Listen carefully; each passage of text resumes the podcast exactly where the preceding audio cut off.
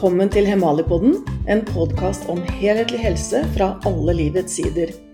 Hemalipodden gir deg de modige stemmene som bringer debatt, erfaring og kunnskap videre. Programleder er Hemalis journalist Guro Høgberg. Denne episoden er støttet av Ærlig Bay Valle. Ærlig by Valle er en mild og naturlig hudpleieserie basert på talg fra norsk 100 gressfòra storfe fra gårder hvor dyrene lever gode liv.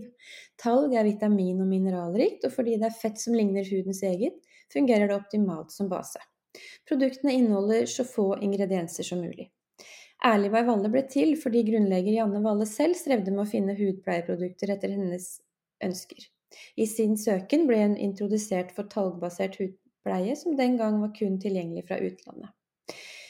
Jeg har prøvd mange av Erlig Baivalle sine produkter, og hvis jeg må velge ut én favoritt blant flere, er det kroppskrem med romersk kamille. Den gir spa-følelsen på mitt eget bad.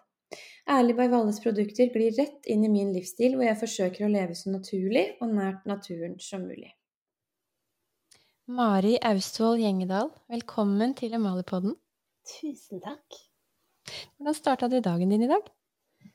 I dag startet jeg dagen med å um, stå opp ganske tidlig, ta meg en dusj uh, og avslutte den med en kald dusj.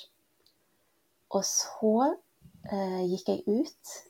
I dag er første dagen på veldig lenge, føler jeg, at uh, det er solskinn her hvor jeg bor.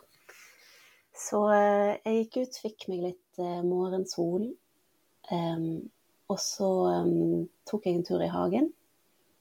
De bor um, på et uh, lite småbruk på Vestlandet med en etter hvert ganske stor og mangfoldig markedshage. Med grønnsaker og blomster og sånn. Så jeg gikk litt rundt og så på hva som hadde skjedd der de siste dagene. Eh, og så satte jeg meg ned og jobbet litt, også ute. Um, og så spiste jeg frokost. Og så møtte jeg deg her. Ja. Og Mari, um, det er noen uker siden nå at jeg fant deg på Instagram. Og det traff meg på dypet. Jeg ble rørt og kjente meg veldig hjemme i det du deler der. Du har en uh, konto som heter Regenerativt liv, og det sier jo en del. Bare navnet. Og jeg har lyst til å dele en av de postene som traff meg så, så sterkt. Eh, og der skriver du i en verden som glorifiserer travelhet, våg å være stille. I en verden som dyrker individualisme, våg å søke fellesskap. I en verden som normaliserer utbrenthet, våg å hvile. I en verden som oppfordrer til tøffhet, våg å være sårbar. I en verden hvor mistillit brer seg om seg, våg å ha tillit. I en verden som produserer nummenhet, våg å vise medfølelse. I en verden som vil ha oss til å være maskiner, våg å være menneske. I en verden som undertrykker følelser, våg å leve med et vid åpent hjerte. Våg, gjør motstand, vær den som viser andre vei.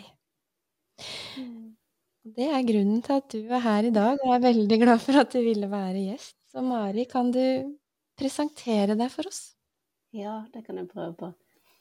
Først må jeg eh, Å, det var så fint å høre deg lese. Det, altså, de ordene har jo bare vært inni mitt hode, men jeg kjente jeg ble litt rørt når du leste de opp. det ble jeg òg da jeg leste de første gangen. ja, jeg um, syns jo det er veldig hyggelig å sitte her og prate med deg. Jeg heter da altså Mari.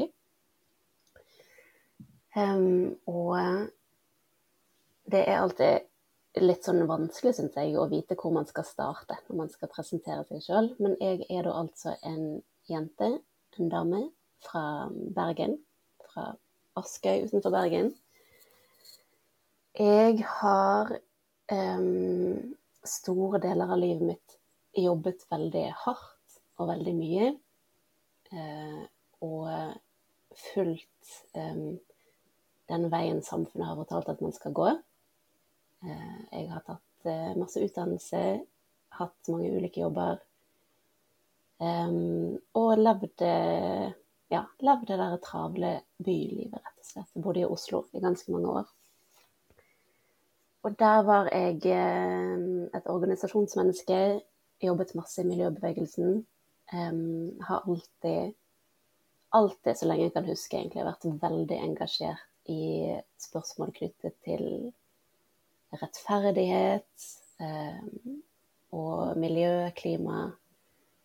Egentlig, ja, har bare alltid hatt en sånn veldig sterk driv eh, for å bidra til at verden blir mer rettferdig, og at folk har det bra. Og, og tar vare på seg sjøl og planeten. Um, og allikevel eh, så tror jeg at i løpet av de årene hvor jeg jobbet veldig mye for um, å gjøre verden bedre, så var jeg allikevel ikke noe særlig i kontakt med meg sjøl. Og det førte til at jeg eh, ble utbrent. um, ikke bare én gang, men to ganger. Første gang i 2016. uh, og så faktisk en gang til så sent som i fjor. Og det har òg vært en veldig Det har vært en veldig tung og veldig lærerik prosess for meg fordi første gang jeg ble utbrent, eh, så, så hadde jeg jo overstimulert meg sjøl i så mange år og jobbet døgnet rundt og følte at jeg nesten ikke hadde noen grenser for hvor mye jeg kunne gjøre. Og jeg følte òg at det jeg jobbet for var så viktig at jeg kunne ikke tillate meg sjøl å ta noen pause. Jeg, jeg skjønte ikke hvordan jeg skulle slappe av, rett og slett. Eh, og så gikk jeg på den smellen der, og jeg husker at eh, først så var det veldig vanskelig å akseptere at jeg var utbrent. Um, jeg syntes det var veldig skamfullt og, og, tungt å føle at jeg ikke var nyttig, at jeg måtte ta en pause. Um, så var jeg sykemeldt i noen måneder og hadde fokus på å bli frisk raskest mulig. da. Og eh, jeg var tilbake i jobb eh, ja, kanskje tre måneder senere. Og i ettertid da, så tenker jeg jo at jeg burde benyttet den tiden litt bedre og tillatt meg sjøl å hvile mer. Men um, jeg fikk i hvert fall nok tid til å um, få litt nødvendig hvile og komme tilbake igjen, da. Um, og det startet en prosess hvor jeg begynte å tenke på at uh, ja, kanskje det ikke er akkurat dette livet jeg vil ha. Kanskje jeg um, Kanskje vil ha et litt saktere liv, eller et litt mer, hmm, et litt mer ekte liv, kanskje. Um, og etter hvert som jeg um, fortsatte da, så kjente jeg på en stadig større dissonans mellom um, det som jeg snakket om, og det livet som jeg hadde. Så jeg snakket jo om at vi som samfunn og vi som verdenssamfunn måtte leve nærmere naturen, at vi måtte forbruke mindre og ja, rett og slett være mer lokalt orientert og mer ja, forbruke mindre, da. Um, og så hadde jeg jo fremdeles eh, Jeg bodde jo i hovedstaden, eh, omgitt av asfalt og blokker, og hadde et travelt fulltidsarbeidsliv. Eh, og var sjelden ute i naturen sjøl. Så jeg begynte å, å, merke at jeg lengtet mot noe annet. Um, så flyttet jeg hjem til Vestlandet og begynte å lete etter et uh, gårdsbruk. Og uh, i 2020 så fant jeg, eller vi, jeg og kjæresten min, fant det bruket som vi bor på nå. Som er en helt fantastisk plass, eh, akkurat som vi drømte om. Og vi begynte da den nye hverdagen med å bygge opp eh, det bruket her og sette i gang drift. Um, og så hadde jeg også en fulltidsjobb ved siden av, fordi vi trengte jo inntekt mens vi bygget oss opp. Og det um, Da tenkte jeg jo at nå har jeg gjort det som trengs for å Nå har jeg livet på rett kjøl, nå vet jeg hva jeg holder på med. Og så gikk det ikke så lang tid før jeg ble utbrent igjen. Og den gangen så måtte jeg virkelig gå i meg sjøl og tenke på hva er det egentlig som foregår her. Fordi jeg hadde jo gjort alle de der eksterne tingene. Jeg hadde jo, føler jeg, skrudd ned tempoet veldig og um, var mye mer uh, i pakt med naturen, da, kan man si. Um, og så innså jeg det at selv om de eksterne tingene og min situasjon hadde endret seg, så hadde ikke mitt indre narrativ endret seg. Det som jeg gikk rundt og fortalte meg sjøl hele tiden. Og det um, fant jeg ut at nok antageligvis er den aller største jobben på vei mot bedre helse, mer ja, et, et saktere og mer ekte liv, da. Um, det at vi faktisk tillater oss sjøl å skru ned det tempoet.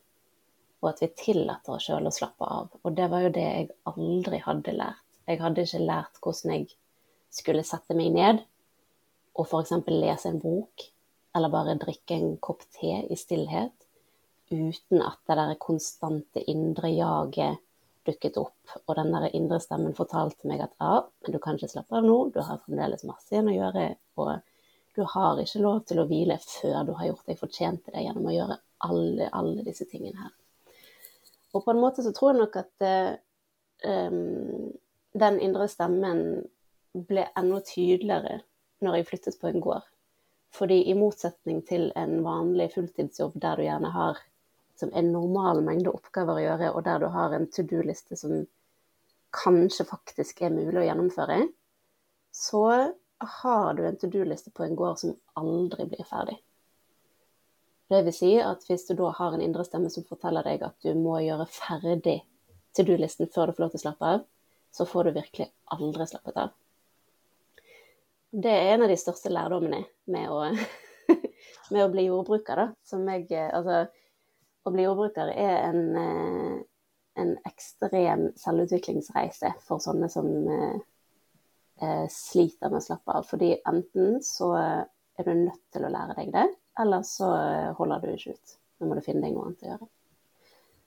Um, så ja, i fjor i september, for nesten et år siden, så ble jeg da utbrent for andre gang. Og det satte i gang en veldig stor prosess inni meg og da ble jeg òg eh, skikkelig utbrent. Da var jeg langtidssykemeldt i, ja, i mange måneder, i et halvt år.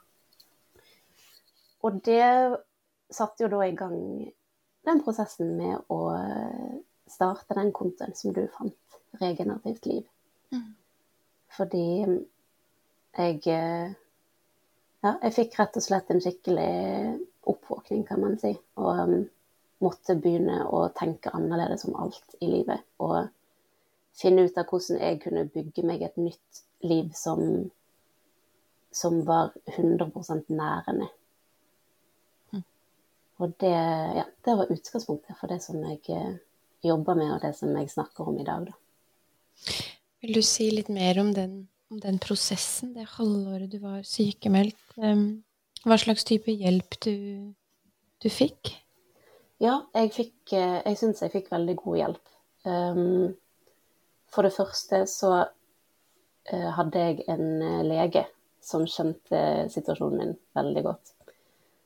Og det tror jeg er helt avgjørende, spesielt for sånne flinke piker som føler at de ikke har lov til å være syk. Så det å møte en fagperson som ser deg, og som sier at nå har du ikke bare lov til å være syk, men din eneste oppgave er å tenke på å bli frisk. Du skal bare gjøre ting som er godt for deg. Det å ha noen som forteller deg det i den situasjonen, er, er, det er helt avgjørende. Så det gjorde at jeg klarte å virkelig eh, gi meg sjøl tiden jeg trengte til å slappe av og finne roen. Um, og så må jeg òg snakke veldig varmt om det kommunale lavterskeltilbudet vi har der jeg bor. For vi har en kommunepsykolog som gir deg ti timer gratis psykolog. Mm. Uh, uten ventetid, nesten. Og det ja, er kanskje ikke noe man ville fått i en stor kommune, men nå bor jeg i en bitte liten kommune med de ressursene. Og det ja, sykemeldingen i kombinasjon med, med litt samtaleterapi for å hjelpe meg å håndtere de tingene som dukket opp, og, og sortere mine egne tanker, Og så selvfølgelig i kombinasjon med veldig mye egenarbeid. Mm. Det var det som hjalp meg. Og de første ukene, kanskje de første månedene, så gjorde jeg nesten ingenting annet enn å um, slappe av og øve meg på å håndtere det ubehaget som dukket opp. Um, jeg hadde ikke energi til å gjøre noe særlig mye mer enn det. Og det tror, jeg, det tror jeg egentlig var bra for meg, for da hadde jeg jo gjort det. Så jeg var rett og slett tvunget til å gjøre ingenting. Mm. Og så sakte, men sikkert så um, kunne jeg bevege meg litt mer, gjøre litt yoga og få inn litt sånne gode, myke hverdagsrutiner. Um, og bygge meg videre derfra. Men jeg husker at um, ja, de første månedene der, etter at smellen kom, hvor jeg eh, egentlig for aller første gang på veldig, veldig mange år fikk erfare den fysiske opplevelsen av, eh, av ekte dyp ro.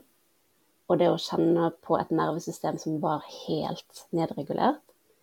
Det var så ubeskrivelig at jeg følte at jeg gikk rundt på en, sånn, en rus, rett og slett. Det var nesten berusende å kjenne at jeg var At jeg hvilte. Og det er jo selvfølgelig noe man ikke merker før etterpå. For jeg var jo ikke bevisst det før, at jeg var i en konstant stresstilstand. Eh, og at kroppen hadde glemt hva det ville si å hvile. Men når jeg først var der, så var det som om Det var som om jeg endelig kunne puste igjen. Um, og det var en følelse som jeg ikke hadde kjent på siden jeg var barn, tror jeg. Hvordan kommer vi dit? For du er jo slettes ikke aleine om å, å, bli utbrent, og ja, og enda verre, kanskje, leve på kanten av utbrenthet uten at man blir det, sånn at det blir tæring over veldig lang tid. Da. Mm. Um, hvordan kommer vi dit? Det er et spørsmål jeg har stilt meg sjøl veldig mange ganger. Mm. Um, og forklaringen er nok kompleks. Mm. Um, jeg tror at mye har med den samfunnsmodellen vi har å gjøre, og det økonomiske systemet og det paradigmet vi lever i med ja, etter at industrialiseringen kom og den veldig destruktive formen for kapitalisme som vi har i dag, um, så har vi jo egentlig alle vi som, som, lever i dette samfunnet, har jo blitt indoktrinert fra første stund om at vi skal um, være mest mulig produktive, mest mulig effektive, og at den verdien vi bringer inn i verden som mennesker, er vår evne til å være mest mulig lik maskiner. Mm. Um, og det er en fortelling som har, som har klodd seg så sterkt fast i hele, hele vår kulturelle vev, på en måte. Det infiltrerer alle sider ved måten vi tenker på, måten vi omgås på, at jeg tror ikke vi er klar over det sjøl lenger. Men uh, Um, men det er bare på så mange ulike områder at vi forventes å alltid prestere 100 hva nå enn det betyr. Hvis vi er syke eller føler oss litt laber på energi noen ganger, så er det liksom en unntakstilstand og ikke en helt normal og grunnleggende del ved det å være et menneske. Um, og vi skal Alt skal liksom optimaliseres Um, helsen vår, ytelsen vår på jobb, uh, vår evne til å være gode foreldre. Vi, vi, vi, får liksom aldri noen pause, da. Og det er overhodet ikke Altså verdien av hvile for oss som levende organismer er overhodet ikke eh, framsnakket eller eh, heiet fram eller verdsatt. Så det Altså hvis eh, Hvis jeg hadde mm, eh, lagt ut en post om at i dag har jeg bare ligget i hengekøyen, eller Yes, i dag har jeg gjort eh, ingenting, liksom. Eller nå har jeg bare lest en bok. Det er jo ingen som sier åh, oh, dødsbra, good for you, nå var du flink'. Vi, mm, vi viser jo frem det vi får til, det vi gjør, det vi klarer å produsere. Og så glemmer vi at eh, vi som biologiske vesener er utviklet til å ha et nervesystem som eh, stort sett er i hvilemodus eller i reparasjonsmodus, sånn at vi innimellom kan gjøre de der ekstra innsatsene og yte ekstra i perioder. Men så har det på en måte blitt snudd på hodet, sånn at vi tenker at normaltilstanden vår er at vi skal yte maksimalt hele tiden. Og det går jo selvfølgelig ikke. Så vi har um, en indre fortelling, tror jeg, som er sterkt um, uh, indoktrinert i oss om at uh, vi ikke har lov til å slappe av. At det er utrygt å slappe av, at vi ikke er så verdifulle, at vi ikke er uh, attraktive eller ja, verdt å være kjent med hvis vi tillater oss selv å slappe av. Og det er en sånn derre selvpisker som hele tiden er der og pisker oss videre. Men um, så er selvfølgelig ikke det moderne samfunnet vi lever i nå eh, um, Det hjelper jo heller ikke på, på en måte. Det forsterker jo bare det indre narrativet vi allerede har. Så eh, når vi i tillegg omgir oss med teknologi som konstant distraherer oss og stresser oss og eh, gjør at vi ikke er vant til å eh, i det hele tatt ha fem minutter med stillhet inne mellom slagene. Eh, og når vi blir utsatt for blått lys på kvelden, og kroppen vår pøser ut med stresshormoner konstant, og eh, ja, igjen, vi lever i byer, vi sitter på kontorer, vi ikke er i kontakt med de omgivelsene som mennesket har utviklet seg til å være i gjennom millioner av år så er det klart at det er en eh, oppskrift på katastrofe. Ja. Er det noe håp om at vi skal holdt på å si rygge tilbake til fortida? At, vi kan, at vi kan klare i den moderne tida å ta tilbake hvilen, roen, verdien av den, da? Mm jeg tror jo på en måte at det er uunngåelig. Mm. Um, og det tror jeg fordi at jeg ser Hvis vi ser den retningen vi går i nå, um, så ser vi òg at på et eller annet tidspunkt så, så går vi mot total kollaps. Mm. Det, er ikke, det er ikke mulig for oss å opprettholde det tempoet og den retningen vi går i. Um, hele systemet er uh, står liksom på randen av sammenbrudd. Både når det gjelder uh, økosystemene, klimamiljøet, men også når det gjelder uh, oss mennesker og vår evne til å fungere. Mm. Um, og du ser det på så mange ulike områder. Bare hvordan fertiliteten vår liksom går ned. Hvor mye er det? 1 hvert eneste år. Um, så vi som art holder jo egentlig på å utrydde oss sjøl fordi ja. at vi lever på sånne måter som er så eh, eh, ekstremt på kollisjonskurs med måten vi er skapt for å leve, og måten naturen ønsker at vi skal leve. Mm. Så eh, vi har ikke så veldig mye annet valg, tenker jeg, hvis vi ønsker å fortsette å eksistere som art. Dette blir jo veldig stort, da. Men um, enten så fortsetter vi den veien vi går nå, Eh, og møter et totalt sammenbrudd, eller så må vi bryte av og velge en annen retning. Og jeg tror jo at det er en prosess som kommer til å gå gradvis og klart, og det finnes også flere ulike parallelle løp der, der noen eh, ser at de må endre seg og faktisk gjør det, og noen aldri kommer til å se det og møter liksom sin egen undergang. Mm. Men um, men jeg tenker at uh, som kollektiv så har ikke vi noe annet valg enn å endre radikalt på måten vi lever på. Mm. Men det begynner vel med oss sjøl? Det begynner alltid med oss sjøl. Mm. Um, og, og, det òg er en sånn åpenbaring, holdt jeg på å si, som jeg eh, sjøl har måttet bruke litt tid på å akseptere, rett og slett. Fordi jeg brukte ganske mange år av livet mitt på å virkelig um, gi alt jeg hadde for å endre på de store systemene og politikken og strukturene. Eh, og som klimaaktivist og miljøaktivist så, så kjempet vi jo hardt for, eh, eh, for politiske endringer. Um, og selvfølgelig, jeg sier jo ikke at det er feil. Vi trenger det. Vi må ha det. Men vi kan ikke gå rundt og vente på at de endringene skal skje, og ikke samtidig gjøre noe sjøl. Mm.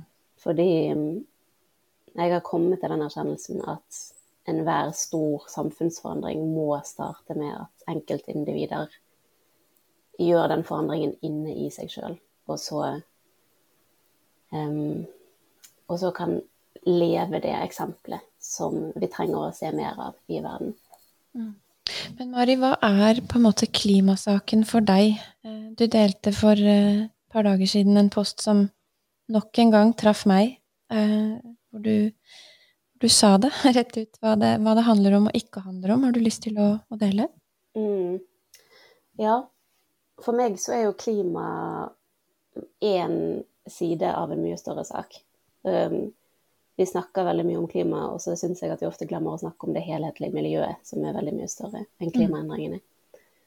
Men um, hmm. Ja, hvordan skal jeg gripe an dette? Nå må jeg ta en pause, Guro. Ja, helt i orden. Ta en pause. Det har lytterne godt av òg, da. kan de hvile litt?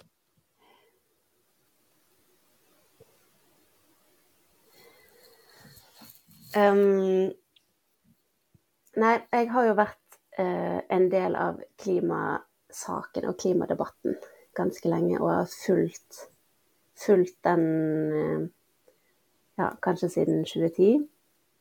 Og uh, som klimaaktivist så deltok vi jo mye på internasjonale klimakonferanser og bærekraftskonferanser og massevis av sånne møter hvor man snakket om hvordan skal vi løse klimakrisen, og hva er det som trengs. Eh, samtidig som vi alltid har fått liksom, oppdatert faglig kunnskap om hva er det egentlig som foregår, og vi ser at OK, nå har vi kommet enda litt nærmere liksom, eh, katastrofen, og vi ser at den gradvis beveger seg saktere, eh, sak, sakte nærmere og nærmere oss. Og så um, har jeg blitt så vanvittig frustrert over at vi allikevel ikke har sett noe ekte handling. Mm. Vi har ikke vi har ikke gjort de tingene som trengs. Eh, tvert imot så har utslippene fortsatt å øke når vi alle har sagt at nå skal vi kutte de. Um, og den posten som jeg delte, som du nevnte, det var litt sånn uttrykk for den der frustrasjonen om at eh, vi gjør Vi gjør så mye, og vi snakker om så mye som ikke er viktig. Mm. Og som lar oss eh, bli avsporet fra det som saken faktisk handler om. Og av og til føler jeg at jeg bor på en helt annen planet, fordi jeg skjønner ikke at vi fremdeles kan drive og snakke om um, at uh, beitedyr som har eksistert i uminnelige tider, er årsaken til klimaendringene. eh, framfor det faktum at de siste 100 årene så har menneskelige fossile utslipp eh, økt helt ekstremt mye, og at det åpenbart er det som fører til Altså, det er så bakvendt at vi har kommet til et sted hvor Eh, den norske oljelobbyen og norske politikere klarer å servere et budskap om at vi må produsere mer olje og gass for å redde klimaet. Og så må mm. vi slutte å spise rødt kjøtt, fordi det er det som er problemet. Og så har de fått så store deler av samfunnet til faktisk tro på det. Mm. Det er så hårreisende og så bakmål. Og det først og fremst tror jeg at det sier noe til meg om hvor fantastisk avkoblet vi mennesker har blitt um, fra oss sjøl og fra naturen. At vi uh, Vi har blitt så avsondret at vi er villige til å overlate all vår kritiske tanke til disse menneskene som forteller oss akkurat det de vil at vi skal tro. Mm. Um, og det igjen bringer meg jo tilbake til dette med at vi må, vi må ta tilbake eierskap og ansvar sjøl, og vi må faktisk gjøre den endringen som vi vet at trengs. Mm. Um, og ja, i miljøbevegelsen så kjempet vi jo masse for de der de politiske endringene og kravene som strengere reguleringer og høyere fly, flyavgift og alt sånt som det. Selvfølgelig. Selvfølgelig er det viktig. Men jeg savner at noen faktisk bare tør å si at folkens, vi må slutte å forbruke så mye. Vi må slutte å reise så mye. Vi må slutte å kaste så mye. Vi må eh, i gåsetegn gå tilbake, da. Eller jeg tenker jo på det som å gå framover, men mm. eh, gjennom å hente fram mye av den gamle kunnskapen som vi en gang hadde om eh, måtehold, om respekt for naturen, om eh, ekte fellesskap mellom mennesker. Eh, takknemlighet overfor de gavene vi har. Og um, jeg føler at spesielt vi i den vestlige verden, og spesielt vi i Norge, har blitt så vanvittig bortskjemt. Vi tar så mye for gitt, og vi har glemt så mye på veien om hva det vil si å um, måtte jobbe for det man har, klare seg sjøl, klare seg med lite. Vi, det føles litt som om vi bare forventer å få servert alt sammen på et fat, og at det er noen andre som skal fikse problemene våre. Mm. Og jeg er litt sånn Jeg er opprør mot den tanken. Men eh, jeg tenker òg at eh, basert på egen erfaring og den opplevelsen av å flytte ut på landet og bli mer sjølberget og virkelig kjenne på kroppen hvor godt det føles da, å mm. klare seg sjøl, så tror jeg at eh, det vil være så forløsende og så godt for oss som kollektiv å vende litt tilbake igjen til et enklere, eh, enklere hardere liv, da, kan man si. Mm. um, fordi jeg tror at vi mennesker er skapt for å ha det litt vanskelig. Ja. jeg tror vi er skapt for å skulle leve med utfordringer og erfare hvordan vi kommer oss gjennom det, og vokse på det da, som enkeltindivider og som samfunn. For en ting er jo hvert fall sikkert. Vi har jo på en måte aldri hatt det så enkelt som nå, men vi har heller aldri vært sjukere, mer deprimerte. Så det er jo et eller annet som er i ubalanse. Mm. Men, men, hvordan får man et helt kollektiv til å se det? Handler det om at uh, igjen, man begynner med seg sjøl, og så håpe at man inspirerer på veien, så det sprer seg? Ja, det er i hvert fall der jeg har kommet nå, da. Mm. For jeg har, prøvd, jeg har prøvd å endre på samfunnet ovenfra og ned. Ja. Um, og jeg merket at uh, jeg ble veldig frustrert fordi jeg følte at uh, ting skjedde altfor sakte. Vi fikk det ikke til. Um, og jeg opplevde veldig lite mening da, i livet. Så jeg ble sjøl veldig ja, sliten, utbrent, deprimert av å merke at jeg hele tiden stanget hodet mot veggen. Så nå har jeg gått for det helt motsatte nemlig å først og fremst fokusere på hva jeg kan gjøre i mitt liv. Um, og bygge et liv som er akkurat sånn som jeg vil ha det, som er bærekraftig for meg resten av mm. livet. Og prøve å bruke det til å engasjere flest mulig andre mennesker. Og snakke om disse temaene på en måte som kan generere ekte endring og ekte handling hos andre. Mm. Um, og så antar jeg jo at det beste er at man kan jobbe med begge sider samtidig.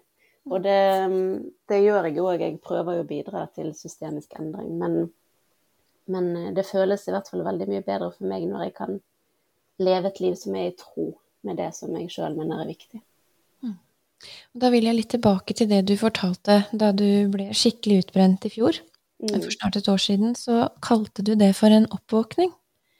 Um, har du lyst til å si litt mer om det, og tenker du at uh, en, sånn, en, sånn, smell uh, kan være til det gode, fordi at det nettopp fører til endring? Da? Ja, jeg, jeg, tror jo egentlig som regel at de utfordringene vi møter, eh, har potensial til å være skikkelig positive um, Hva skal man kalle det? Uh, kickstartere for endring i livene våre. Mm. Og at um, veldig mange av de problemene vi møter, kommer til oss av en grunn.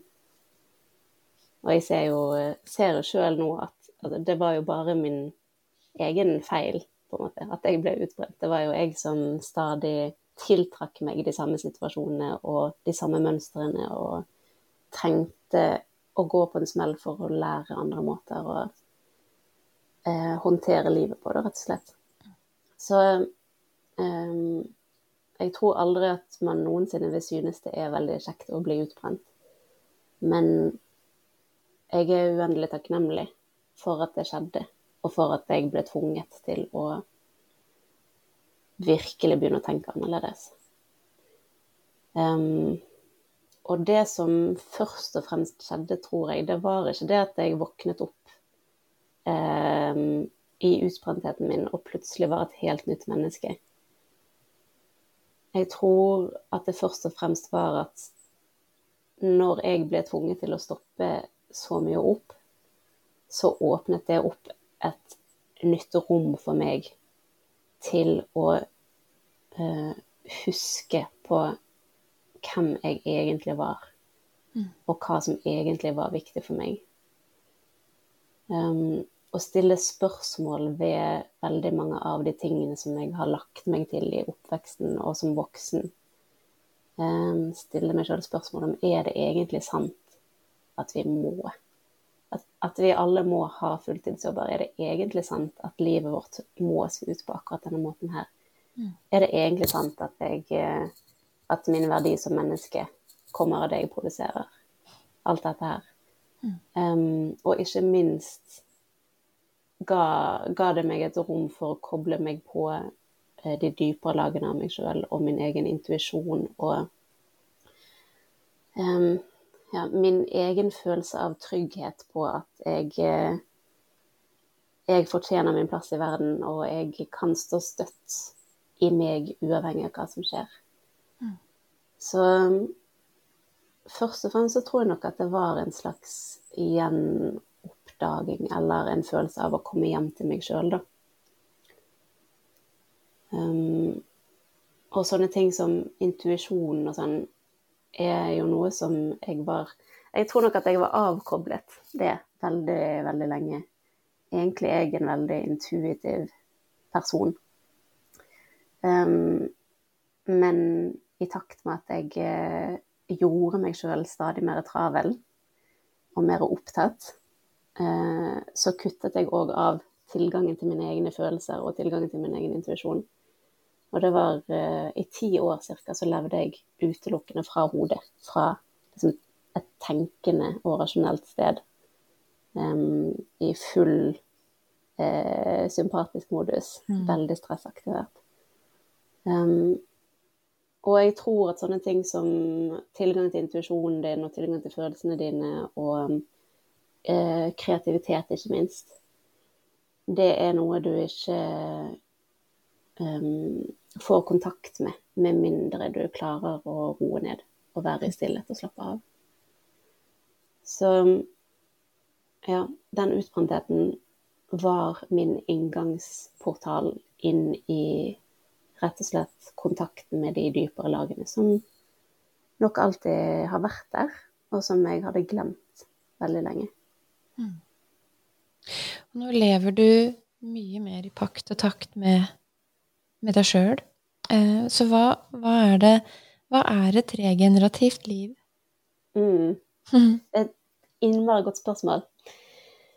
Og jeg brukte jo lang tid på å prøve å formulere det for meg sjøl.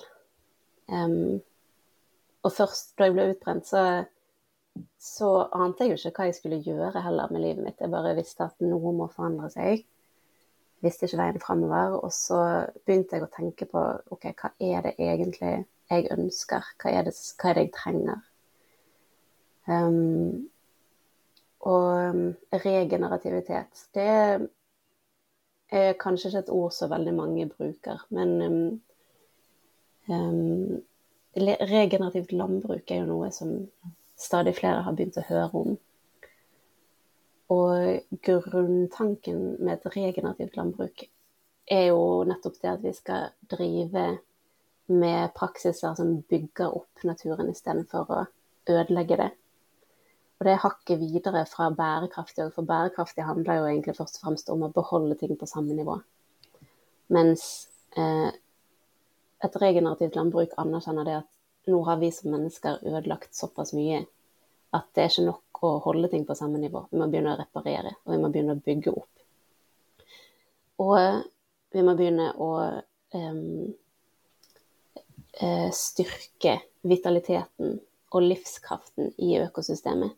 Og etter hvert som de ulike elementene av økosystemet blir bedre og sunnere, så styrker det hverandre. Sånn at det til slutt liksom Ja. Jeg tenker at det er nesten ingen grenser for hvor mye vitalitet man kan få i et system. Um, og det var litt tanken bak et regenerativt liv òg jeg lengtet etter et liv som ga meg mer enn det tok.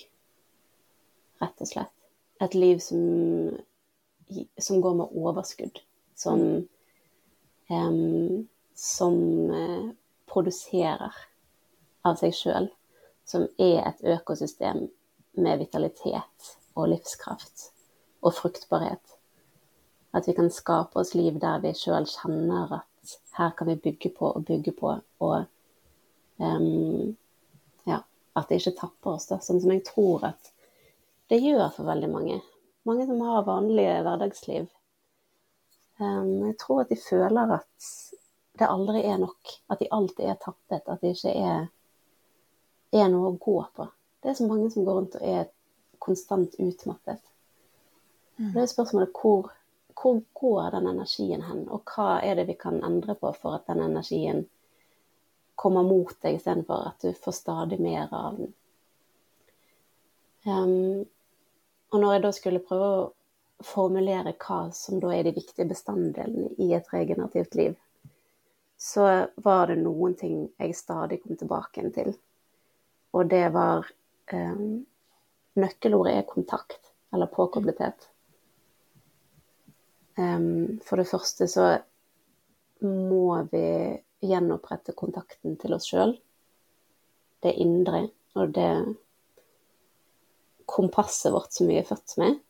Um, vår følelse av oss sjøl og hva som er riktig for oss, og det å være ærlig med oss sjøl og um, være i kontakt med våre egne følelser og alt dette her. Indre arbeidet. Og så er det kontakt med hverandre. Mm. andre mennesker. Det å finne tilbake til et fellesskap. Eh, vi mennesker er jo flokkdyr, og eh, så mye i vår biologi og nevrologi er utformet med tanke på at vi skal tilhøre et fellesskap. Og når vi ikke gjør det, noe vi jo ofte ikke gjør i dagens moderne samfunn, det er jo så mange som er ensomme, så mm. kommer det til uttrykk på så mange ulike måter. Både fysisk og psykisk. Um, og den siste delen er kontakt med naturen. Ja. Um, det å leve mer med naturen rundt oss, i oss, det å anerkjenne at vi er natur, mm. og det å anerkjenne vår, ja, vår evolusjon, vår biologi, at vi har utviklet oss som mennesker til å rett og slett ha natur rundt oss. Ehm, det er så mange studier som viser det på så mange ulike måter. Hvordan fuglesang bidrar til å senke blodtrykket ditt. Hvordan eh, luftkjemikalier fra trær eh, mm. styrker immunforsvaret ditt. Det er, liksom, det er så masse ganske kule sci-fi-greier som tilsier at vi er skapt for å være natur, og at vi ikke minst er natur sjøl. Um, og jeg tror at det òg er en viktig bestanddel da, av det regenerative livet. Mm. Har ikke det et paradoks at vi kjøper oss apper med fuglesang istedenfor at vi går ut i naturen og hører det på ekte? Det er så trist. Det er sånn, ja Toppen av galskap, føler jeg. Og det mm. viser hvor langt vi har kommet. da, At vi, at vi tyr sånn til den der eh, elektronikken og mm. alt det digitale, istedenfor å bare oppsøke det som er naturlig for oss. Mm. Dette er nok et vrient spørsmål som du sikkert ikke har alle svarene på, ikke jeg heller. Men hva står i veien for oss til å velge regenerative liv?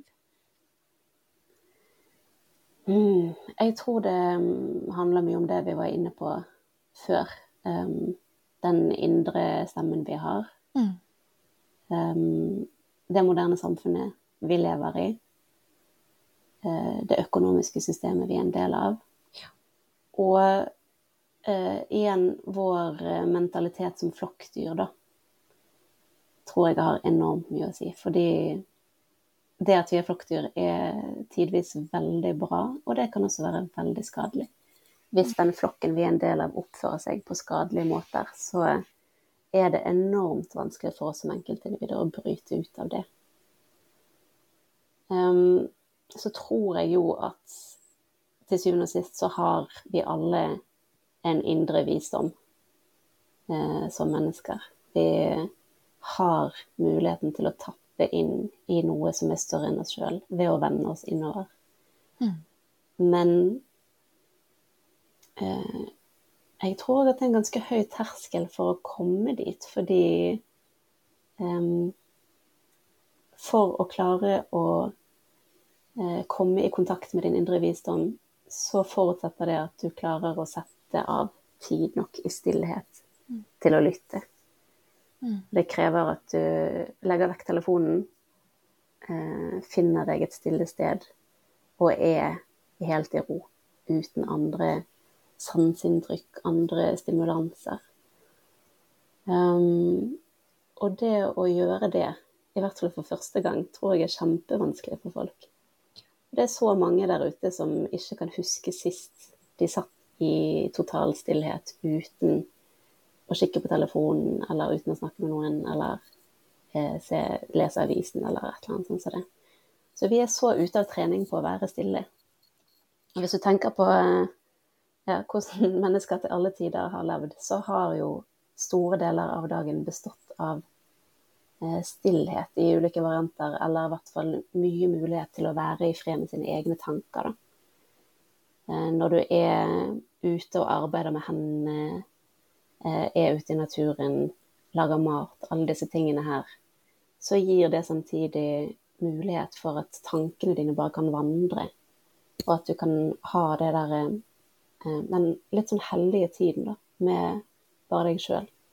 Og så kommer du til nye innsikter, og du eh, kommer på ting som du ikke har tenkt på før. Um, mens i det samfunnet vi lever i i dag, så er det så mye konstant ytre stimuli at eh, den indre kontakten, den er totalt overveldet og overdøvet. Så det Jeg tror at det krever ganske mye mot um, for deg som et moderne menneske å gi deg sjøl det rommet til å være stille og kjenne på det ubehaget som dukker opp fordi du ikke er vant til å være stille. Og så etter hvert begynne å lytte til den der ganske subtile stemmen inni deg som forteller deg hva som er bra for deg. Jeg um, har lyst til å ta, snakke litt om mat. Um, Ja. Fordi at du har jo Jeg vet ikke hvor høy selvbergingsgrad det er på småbruket deres, men det er i hvert fall sikkert høyere enn landssnittet, vil jeg tro. Uh, hva, vil, hva er matens rolle i dette her, Mari? Åh, ja, mat kan jeg snakke om i mange timer. Det, fordi mm, hvis du skal tenke litt sånn stort på det, så, så betyr jo egentlig maten alt. Mm. For meg betyr det veldig, veldig mye. Mm. Um, og det er, en, det er en, også en sannhet som mennesker nesten til alle tider har visst. At uten mat er vi ingenting. Um, og dyrene vet det fremdeles. De vet at uh, uten mat så overlever de ikke. Det er det aller, aller viktigste. Um, og i tusenvis av år så har jo betydningen av mat nesten vært religiøs for oss mennesker. Det har vært så viktig å um, være takknemlig overfor naturen for den maten vi får. Det har vært viktig å bruke alle ressursene.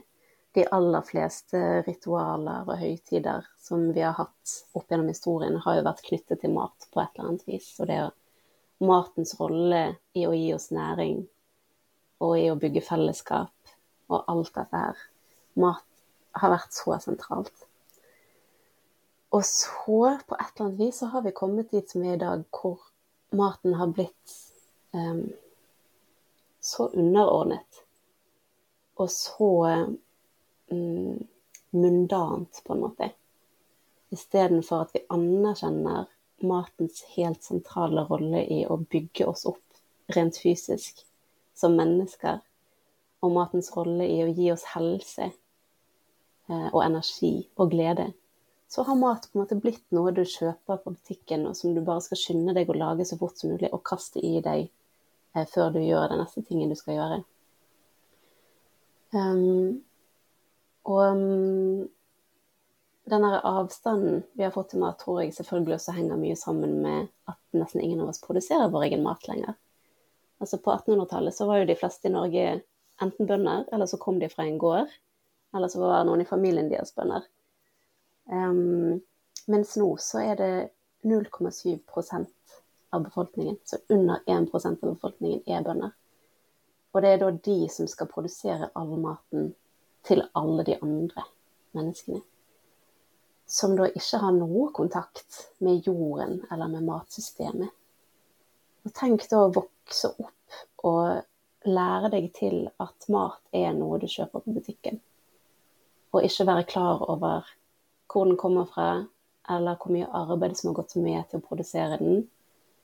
Eh, og aldri stille deg sjøl spørsmålet eh, med hvilke metoder er denne maten blitt produsert. Um, og folk som ikke sjøl har, har, dyrket mat eller produsert mat, de ser kanskje gjerne en paprika på butikken og så tenker de paprika det er kjempesunt.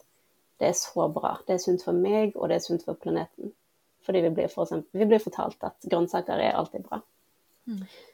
Og så stiller de seg sjøl aldri spørsmålet hvor kommer den paprikaen egentlig fra? Hvordan ser det ut der den paprikaen er blitt dyrket? Det er så mange som ikke er klar over um, hvordan det industrielle matsystemet egentlig ser ut. Um, hvordan um, intensiv og såkalt rasjonell matproduksjon blir drevet på store, store åkre eller i eh, gigantiske drivhus der eh, det ikke lenger er noe økosystem, der arter blir utradert, der jordsmonnet blir utradert, der man pøser på med eh, kunstgjødsel, sprøytemidler, pløyer i stykker jorden med store maskiner. Um, og så og så tenker folk at dette er normalt, dette er bra, dette er sunt. Og mat for meg Jeg skulle ønske at folk i så mye større grad eh, lærte seg å stille kritiske spørsmål, og ikke først og fremst tenke eh, på kategorien mat, altså kjøtt eller grønnsaker eller hva det nå enn er, men tenke eh, hvordan har denne maten blitt produsert. Mm. Fordi grønnsaker kan produseres på en kjempebra måte, eller det kan produseres på en helt forferdelig måte. Og jeg syns ikke industriell grønnsaksproduksjon egentlig er noe bedre enn industriell kjøttproduksjon. Um, jeg syns det er helt forferdelig å tenke på alle de grisene, alle de fjærkreene som holdes inne i store betongfabrikker. For det er jo fabrikker dette er, det er ikke fjøs. Um, og så blir vi fortalt at ja, men det er så effektivt og det er så klimavennlig, og ikke minst det er sunt for oss å spise lyst kjøtt og sånn. Og så er det jo dyr som har det forferdelig, og som lever på en ekstremt ensidig kost, som også er produsert industrielt. ikke sant? Korn og soya som er dyrket på store åkre. Um, og så tror vi at det er en bedre eh, kilde til næring for oss enn dyr som har levd ute, og som er en del av økosystemet, som bidrar til å bygge opp jordsmonnen, som spiser mangfoldig, og som ikke minst spiser det som de sjøl er utviklet til å spise, som jo er norske beitedyr. Um, jeg tenker all matproduksjon foregår et sted, og det foregår i et system. Og vi må som mennesker begynner å eh, grave dypere og se de større sammenhengene. Og se hvor maten kommer fra. Og den beste måten da selvfølgelig, når du er en, en helt vanlig person som handler maten din på butikken og ikke har en mulighet for å bli bonde med det aller første, det er å um, handle mer av maten din lokalt, og handle mer direkte. Fordi um, når du handler poteter eller grønnsaker eller kjøtt av bonden din som bor i nærheten, så kan jo du faktisk dra dit og sjøl se hvordan maten din blir produsert. Og den innsikten får du aldri av å gå og handle maten på butikken. Og så må vi lære barna våre. Absolutt, ikke mm. minst. Jeg syns jo at alle burde produsere litt mat sjøl. Mm. Jeg tror at det er Jeg tror det ligger i vår genetiske kode at vi skal produsere mat sjøl, og jeg tror eh, bare det å ha kontakt med, med jord mm. eh, gjør jo at vi skiller ut eh, hormoner som er bra for oss. Så det, det, er åpenbart at vi har utviklet oss til det. Men um, det spiller ikke så mye rolle, tror jeg, hvor mye mat du kan produsere, så lenge du har lite grann. Mm. Ja, vi har har dyrka ganske mye i år sammenligna med tidligere år. Og den, den um, Jeg er ikke så glad i å bruke ordet lykke. Um, jeg er mer glad i å bruke ordet tilfreds. Jeg syns det rommer så mye mer. Men den tilfredsheten, det er å gå ut og hente middagen i stedet for å reise og kjøpe den på butikken pakka i plast. Den er ubeskrivelig. Mm. Mm. Men igjen, da. Det er fordi vi er skapt for å klare oss sjøl. Mm. Um, vi er skapt for å ja, overkomme utfordringer og mm. vokse på det. Og Mm. ja Ting eh, kommer altfor lett for oss nå, og det tror jeg eh, gjør veldig mye mer skade enn gavn. Ja. Vi blir skåna for så mye at det faktisk skader oss. Mm. Mm. Og det gir jo mye mening, ikke sant, den mestringsfølelsen. Det, det å faktisk klare å, å, se at du kan lage din egen mat, eller ta vare på dine egne dyr, eller Mm. lage dine egne klær, eller hva det nå enn er, Mm. det gir deg mestringsfølelse, og det gjør at du føler at det er en mening i livet ditt. Mm. Og er det noe vi mangler som moderne mennesker, så tror jeg det er mening. Det er så mange av oss som er på jakt etter mening, og, og ikke finner den, og blir deprimerte og ja. Så fins den i en brokkoli du har dyrka sjøl. Hva sa du? Så fins den i en brokkoli du har ja. Det Var ikke verre. Det er helt utrolig.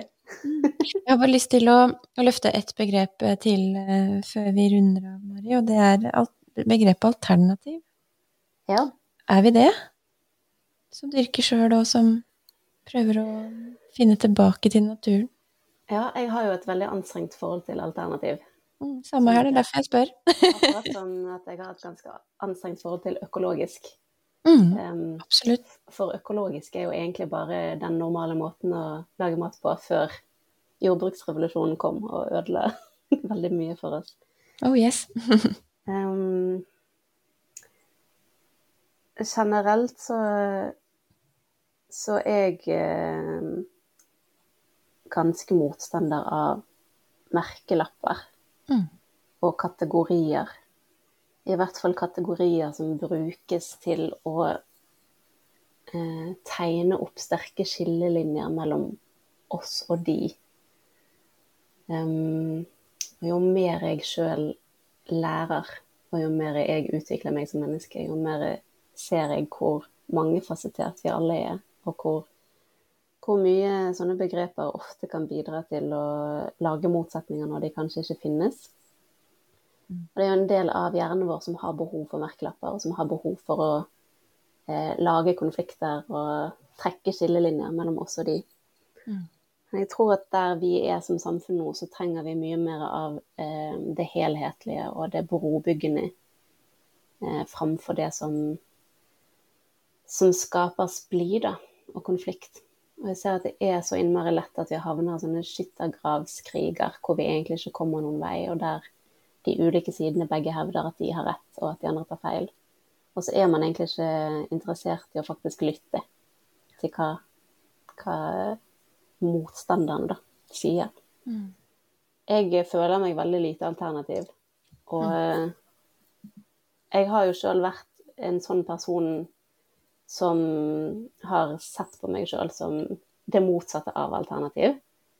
Så um, i mange år var jo vitenskap og eh, rasjonell tenkning og minst mulig følelser, det var jo min måte å eksistere i verden på. Syntes det Folk som gikk på alternativmessen, hadde snakket om astrologi og alt dette var veldig um, Ja, det var egentlig i mine øyne ganske latterlig, da, og veldig fjernt. Og nå er jeg litt mer der at um, jeg har ikke svarene på alt. Det er faktisk veldig lite ting jeg har svar på.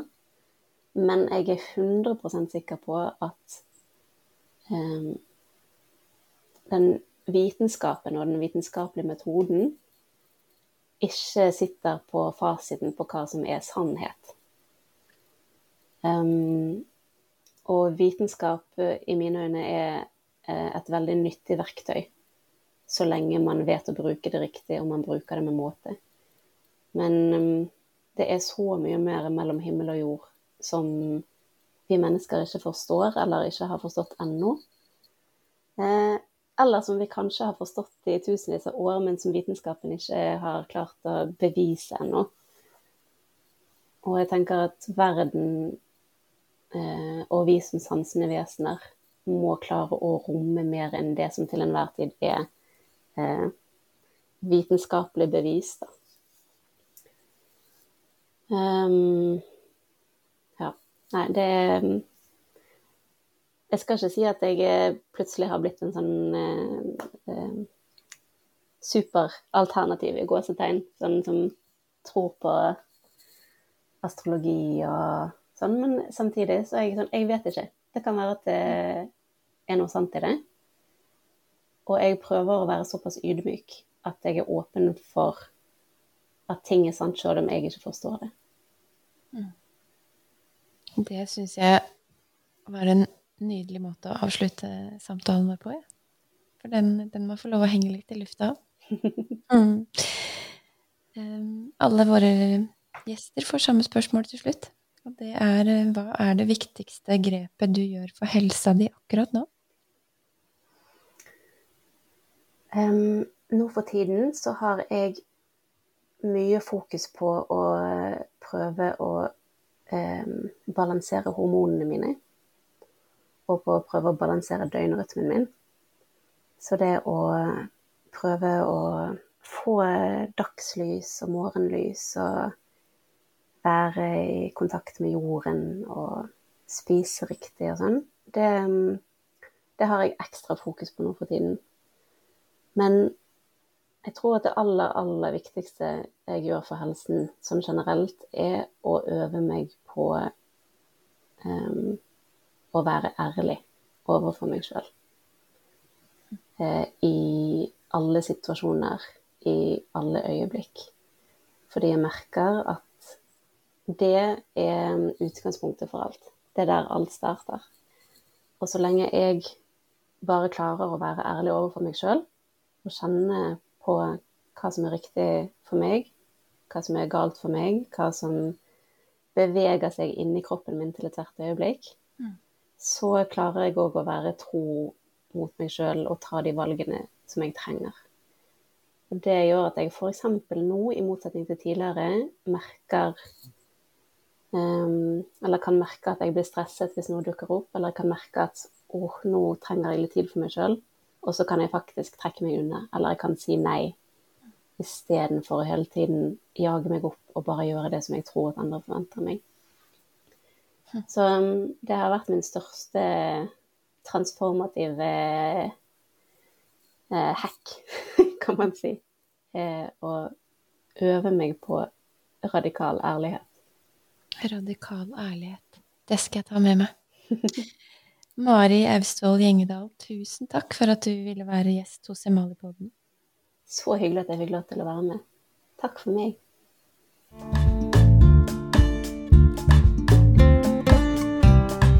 Takk for at du lytter til Emalipodden.